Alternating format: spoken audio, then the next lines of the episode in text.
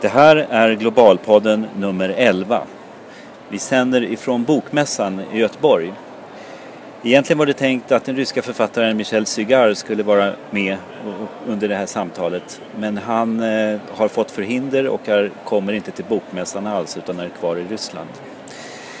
Eh, istället så ska jag, Erik Larsson, redaktör på Arbetet Global, podda tillsammans med Linda Flod på Arbet, Arbetet Global och ämnet är pressfrihet under attack.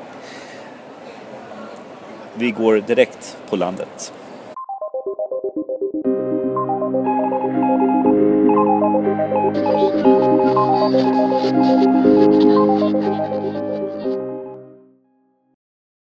Det man kan säga om Ryssland är ju att eh, det är ett av de sämre länderna för journalister att verka i och har blivit sämre under Putins år vid makten. Putin har ju både varit premiärminister och president under många år och under den tiden så har stat, eller medier förstatligats och det har blivit allt svårare för oberoende medier att ta plats. Tittar man också på eh, Reportrar utan gränser, föreningen Reportrar utan gränsers lista över länder som är svåra och farliga att jobba i som journalist så hamnar ju Ryssland på plats 148 ja, precis. av drygt, vad är det, 193 länder ja, i världen. Så det är väldigt dåligt eh, kan man säga. Det kan man lugnt sagt säga och det är kanske en förklaring till att eh, Michel Sygar inte kommer hit också. Mm. Eh, vi, ja, det, det, jag skulle säga var att det har kommit en ny lag också eh, i, eh, i eh, augusti kom det en ny lag. En ny medialag i Ryssland? En ny eller? medialag, exakt, som ska försvåra för eh, ett fritt internet. Så det kommer bli ännu svårare att publicera ja, jag, online. Mm. Just internet är ju liksom en paradgren när det kommer till eh, ryska medier också. I eh, natt så kom det en eh, nyhet i Washington Post som eh, berättar lite grann hur den eh, ryska statliga mediekanalen eh, Russia Today jobbar. Och eh, Washington Post har då eh, kunnat upptäcka att eh, Russia Today har skapat flera, ett hundratal falska Twitterkonton. Och de här Twitterkontona har man sedan betalat miljontals kronor för att sprida ut falska nyheter som eh, på det sättet ska påverka det, för att påverka det amerikanska presidentvalet. Och eh, det, ju, det, här är ju bara en i raden av eh, nyheter om hur ryska medier har agerat under det amerikanska presidentvalet. Det är ju känt sedan tidigare att eh, man har gjort eh, hundratusentals Facebook-annonser och betalt för det för att kunna sprida då nyheter som har eh, gynnat den ryska statsledningen då snarare då liksom sådär, alltså. Ja, det finns ju flera exempel på så här enorma så kallade trollfabriker i Ryssland där det sitter ett liksom, hundratal människor.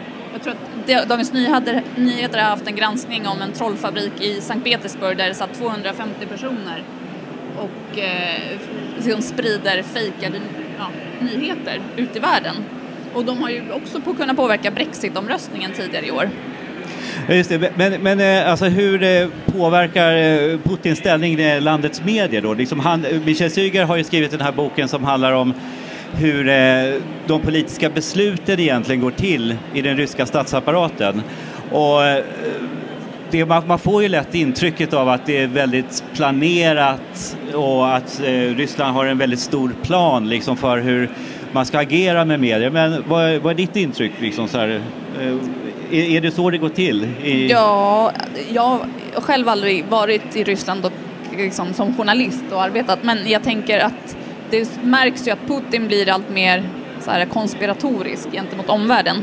Eh, och även om Trump och Putin hade någon slags överenskommelse innan Trump blev president i USA att de skulle liksom, komma varandra närmare så har det ju blivit tvärtom. Ju mer omvärlden liksom, sluter sig mot Ryssland så sluter sig Ryssland internt. Okay. Och det handlar ju inte bara om liksom, gentemot medierna, det handlar ju om liksom, mänskliga rättigheter, andra frågor, hbtq-frågor eller ja, liknande. Ja.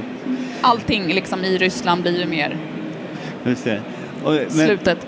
Och det här, men den här utvecklingen som vi ser i Ryssland, den är ju inte unikt för, för det landet, liksom, utan det här är ju någon trend som finns över hela världen just nu. Eh, I fjol så satt det, jag tror att det var 259 journalister som var fängslade runt om i världen på eh, tveksamma grunder om man säger så. Då, liksom så här. Eh, och, alltså det här är ju en av de högsta siffrorna som har funnits sedan 1990 tror jag att det var. Eller något sådär. Alltså, det är en otroligt otäck trend liksom, som vi ser. Mm. Och, och på tal om det här ämnet då, högaktuellt, så släpptes ju en svensk-turkisk journalist igår från Spanien. Ja, Hamza Yalcin, ja, ja. just det. Som man ville få, alltså Turkiet ville få honom utlämnat från Spanien till Turkiet för att kunna åtala honom för eh, terrorism eller ja, vad de nu hittar på för att kunna åtala journalister. Ja, och, oftast alltså... är det faktiskt så att man väljer att eh, man, man, går på förolämpning, att de har förolämpat staten.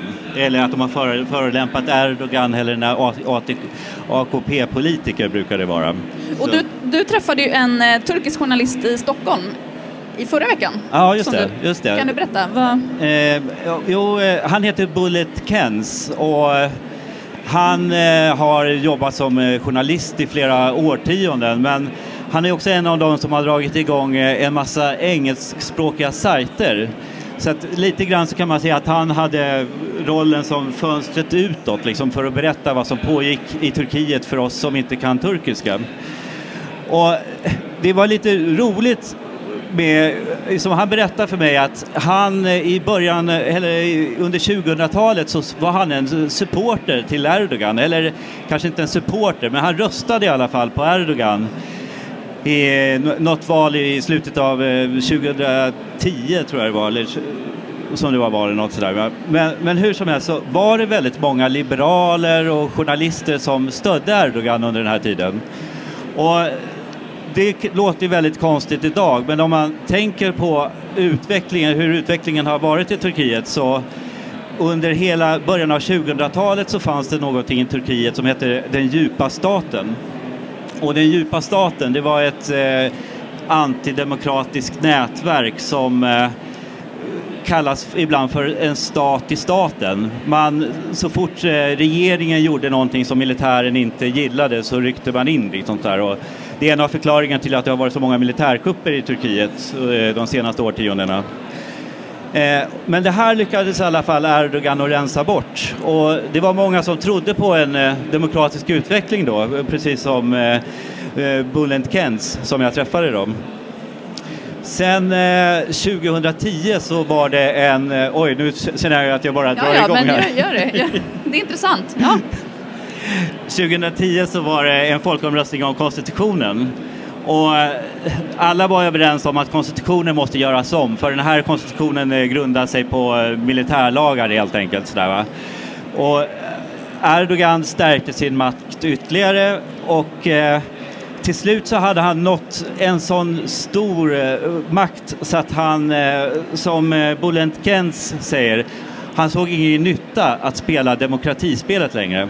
Och det här är ju liksom, säger någonting om faran när oppositionen i ett land blir för svag. Och någonstans vid 2011 och därefter så kan man se hur Erdogans politik gentemot medierna börjar förändras ganska kraftigt. Liksom så här.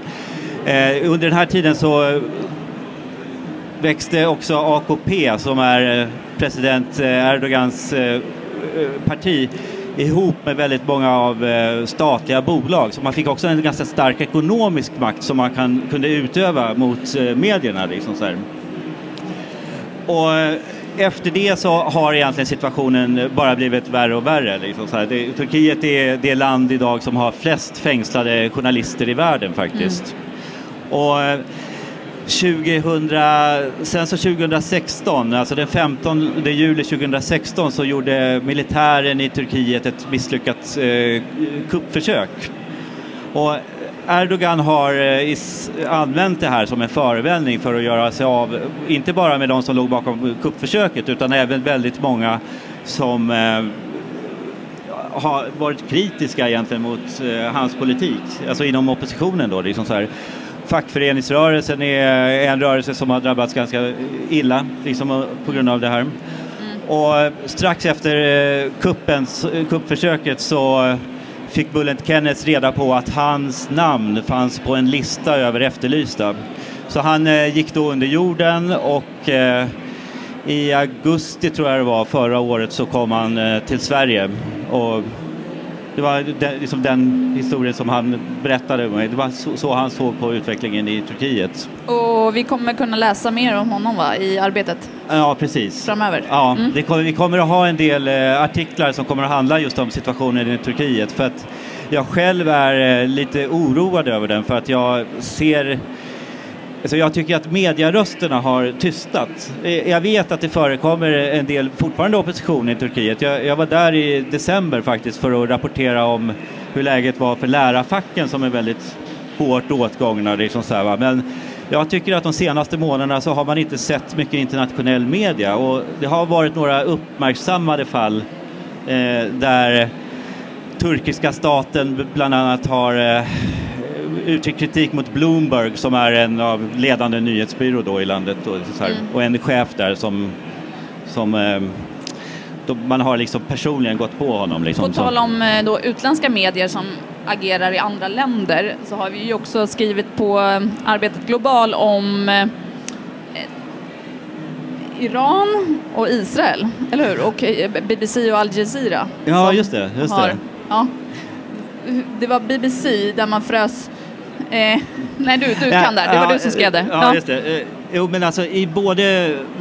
Det var under loppet av en eller två veckor nu i augusti här som eh, eh Först det kom ett meddelande om att Iran då fryser alla BBC-medarbetares tillgångar. Alltså alla i Iran som har jobbat på något sätt för BBC, de har fått sina tillgångar frysta då liksom. Och det här var med hänvisning till att BBC stör ordningen.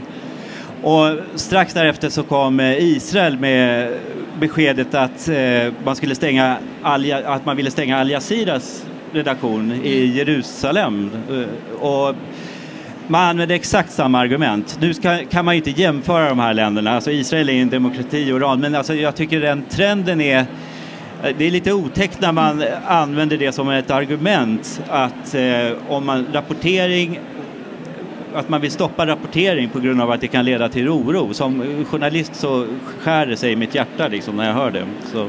Vi har ju också en frilansjournalist som har skrivit eh, flera saker för oss som heter Carlo Falk och han har rapporterat från Filippinerna. Och där är det också, det breder ut sig någon slags kultur av strafffrihet. Ehm, så att det, det har varit flera mord på journalister sen den presidenten Duterte kom till makten i fjol så har det varit fyra mord Ja, just det. Och, och man har då försökt liksom ja, lägga lock på de här mordutredningarna. Ja, och det och här inte... är ju, alltså det, egentligen så har det här pågått redan innan Duterte tillträdde för ett år sedan liksom, men eh, eh, liksom att det under lång tid har funnits, alltså rättsväsendet har inte tagit tag i de här morden och Nej. journalistfacket eh, i Filippinerna är ju naturligtvis väldigt mm. kritiskt upprörda och vill har mycket uppmärksamhet med all rätt liksom, mm. för den utvecklingen som finns just nu. Vi, du har ju också skrivit om Kambodja eh, där du var i våras. Det är liknande trend där som vi ser senaste halvåret. Där det varit liksom, hot mot eh, oberoende medier och lokalstation, radiostationer. Ja, det är egentligen samma, samma sak där att det är för första gången så börjar man ge sig på de engelskspråkiga medierna. Kambodja har varit Alltså medierna i Kambodja har länge varit eh, ja, alla har inte varit oberoende om man säger så. Liksom, så här, Men eh, det finns ett par engelskspråkiga medier som har varit relativt fria. Liksom, så här, för de har inte de har inte nått de väljarna som premiärminister Hun Sen har som väljarbas. Så att man har låtit dem vara på något sätt. Mm. Och nu eh, så går Kambodja mot ett val. I juli nästa år, 2018, så håller Kambodja val. Och nu ser man på något sätt att oppositionen har börjat växa och eh, nu städar Hun Sen, som för övrigt är en ledare i världen som har, har suttit längst vid makten i världen. Eh, han tillträdde i slutet av 70-talet när Pol Pot störtades. Då, liksom så här, Men nu är han rädd för att tappa den här makten. Och, eh, då är det Cambodia Daily som stängs och det stängs på grund av skattekrav. Man, plötsligt fick han besked att du ska betala 6 miljoner dollar i skatt inom två veckor. Samma be besked fick eh, Radio Free Asia och eh, Voice of America. Så att, eh, det, är, det är väldigt stora åtstramningar där liksom nu och jag har varit i kontakt med människorättsorganisationer som är är väldigt oroliga liksom, för vad som händer. Man kallar, man kallar inte landet en demokrati längre, inte de människorättsorganisationer som jag är i kontakt med, utan det kallas för en diktatur. Och lite grann av det, så det ser man liksom att medierna stängs ner lite grann av det skälet, liksom, för att tysta oppositionen. Då, så. Mm. Eh, men det är inte bara i Asien och ja, Mellanöstern som det finns de här tecknen, utan vi kan ju se det i väst också. Och nu har till exempel Reporter utan gränser tillsammans med andra eh, pressfrihetsorganisationer inlett någon slags undersökning av eh, pressfriheten i USA. Man ska hålla koll på hur det ser ut. Tidningar, radio, tv också i USA. För att man ser oroande tecken där eh, sen då Donald Trump kom till makten i fjol. Eller ja, han tillträdde i januari i år. Men ja, han vann valet i fjol.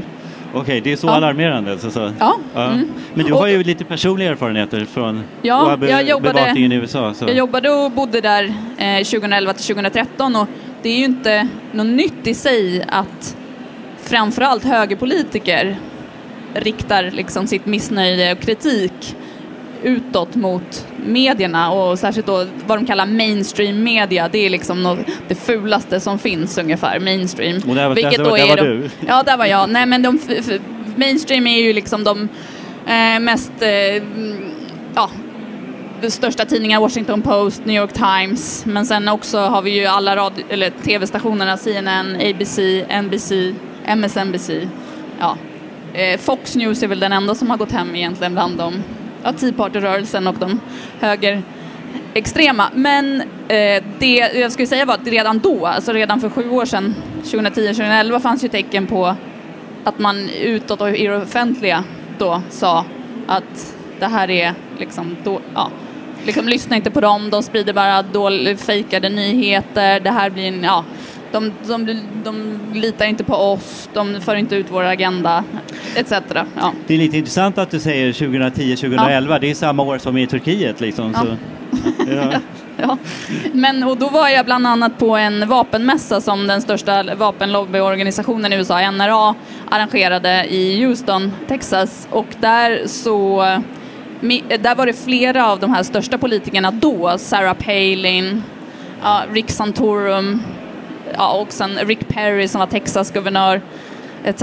De stod på scen framför liksom, och, och liksom i princip sa att vi var små kryp och så liksom kackerlackor, eh, att liksom det här är ett avskum, journalisterna, så liksom för varje tal och talare så blev man så här kröp under golvet nästan ungefär. Man visste inte var man skulle ta vägen. Och då försöker man ändå komma dit som en oberoende journalist och vara liksom, ha ett öppet sinne.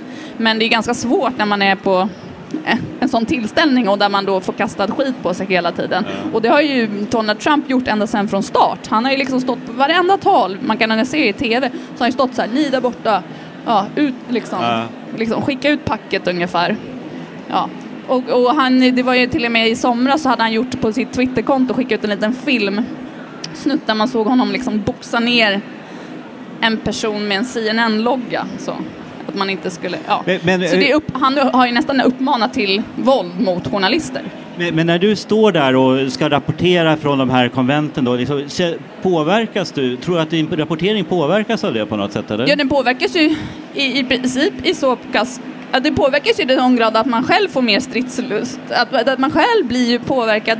Man vill ju hålla ett liksom, öppet sinne och man vill ju inte alls ta ställning för eller emot eller liksom vad. Men det blir ju en konstig situation om man då får höra hela tiden att du sprider fejkade nyheter. Men det gör ju inte alls det. Eller vad liksom hur? Ja, då, då blir det ju som att man själv går till liksom, Ja, Du hamnar i någon Lite- försvarsposition? Ja, det blir ju liksom. så, för, för man, inte, man inte vill det. Men du, jag tänkte, har du blivit ja, något liknande? Eller liksom, har du råkat ut för något liknande?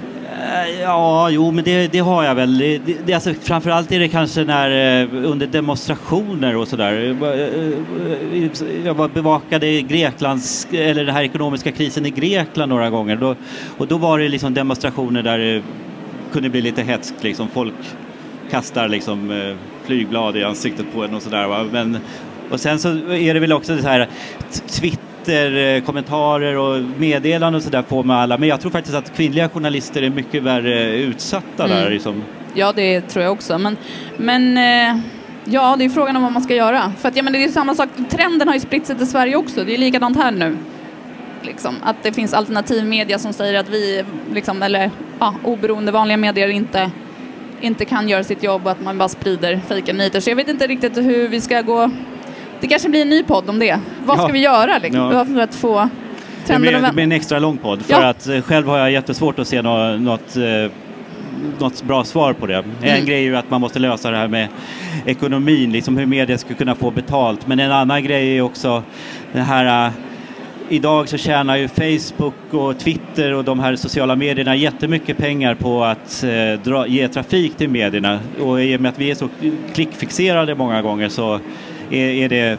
Vi är beroende av dem. Ja, Så det blir ja. en beroendeställning där. Men Det blir ja, nästa podd det blir nästa podd. Ja, Ja, Då tackar vi för oss då. Ja, vi gör det.